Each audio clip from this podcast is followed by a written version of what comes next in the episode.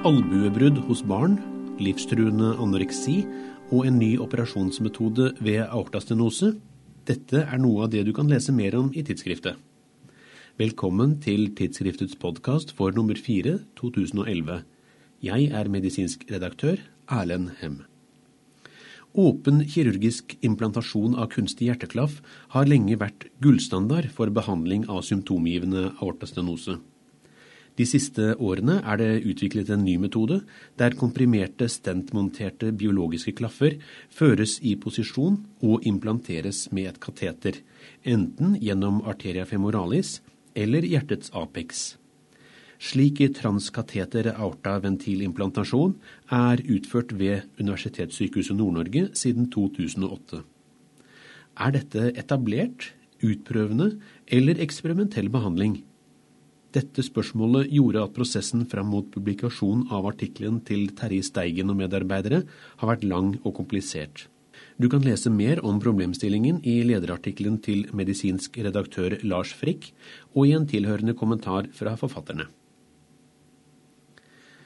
Albuebrudd, eller suprakondylære humerusfrakturer hos barn, er svært vanlig.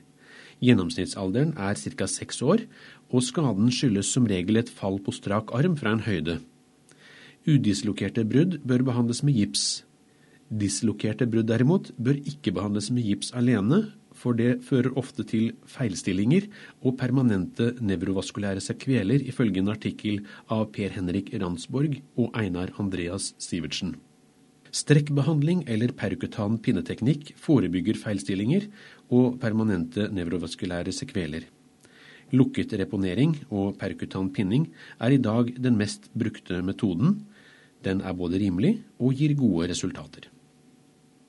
Eosinofil gastroenteritt er en sjelden betennelsestilstand i mage- og tarmkanalen. Symptomene er uspesifikke, som magesmerter, kvalme og diaré. Diagnosen kan være vanskelig å stille, men er basert på påvisning av selektiv eosinofil infiltrasjon i magetarmkanalen og fravær av andre årsaker til eosinofili. Tilstanden kan behandles med systemiske kortikosteroider, skriver Gunnar Kvikstad og medarbeidere i en oversiktsartikkel. Anoreksia nervosa er en alvorlig tilstand og kan være svært vanskelig å behandle. Underernæringen kan gi flere livstruende komplikasjoner, bl.a. hypokalemi, kramper og hjertearytmi. Er det mulig å hindre de mest alvorlige former for komplikasjoner?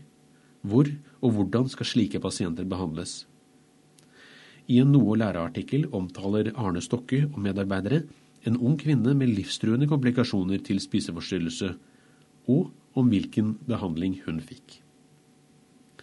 Forebygging er bedre enn behandling, heter det. Myndighetene skal nå satse mer på forebygging, bl.a. gjennom den nye Samhandlingsreformen. I hvilken grad skal forebyggende helsearbeid være rettet mot befolkningen som helhet, og i hvilken grad skal den være basert på individuelt endringsarbeid, f.eks. hos fastlegen?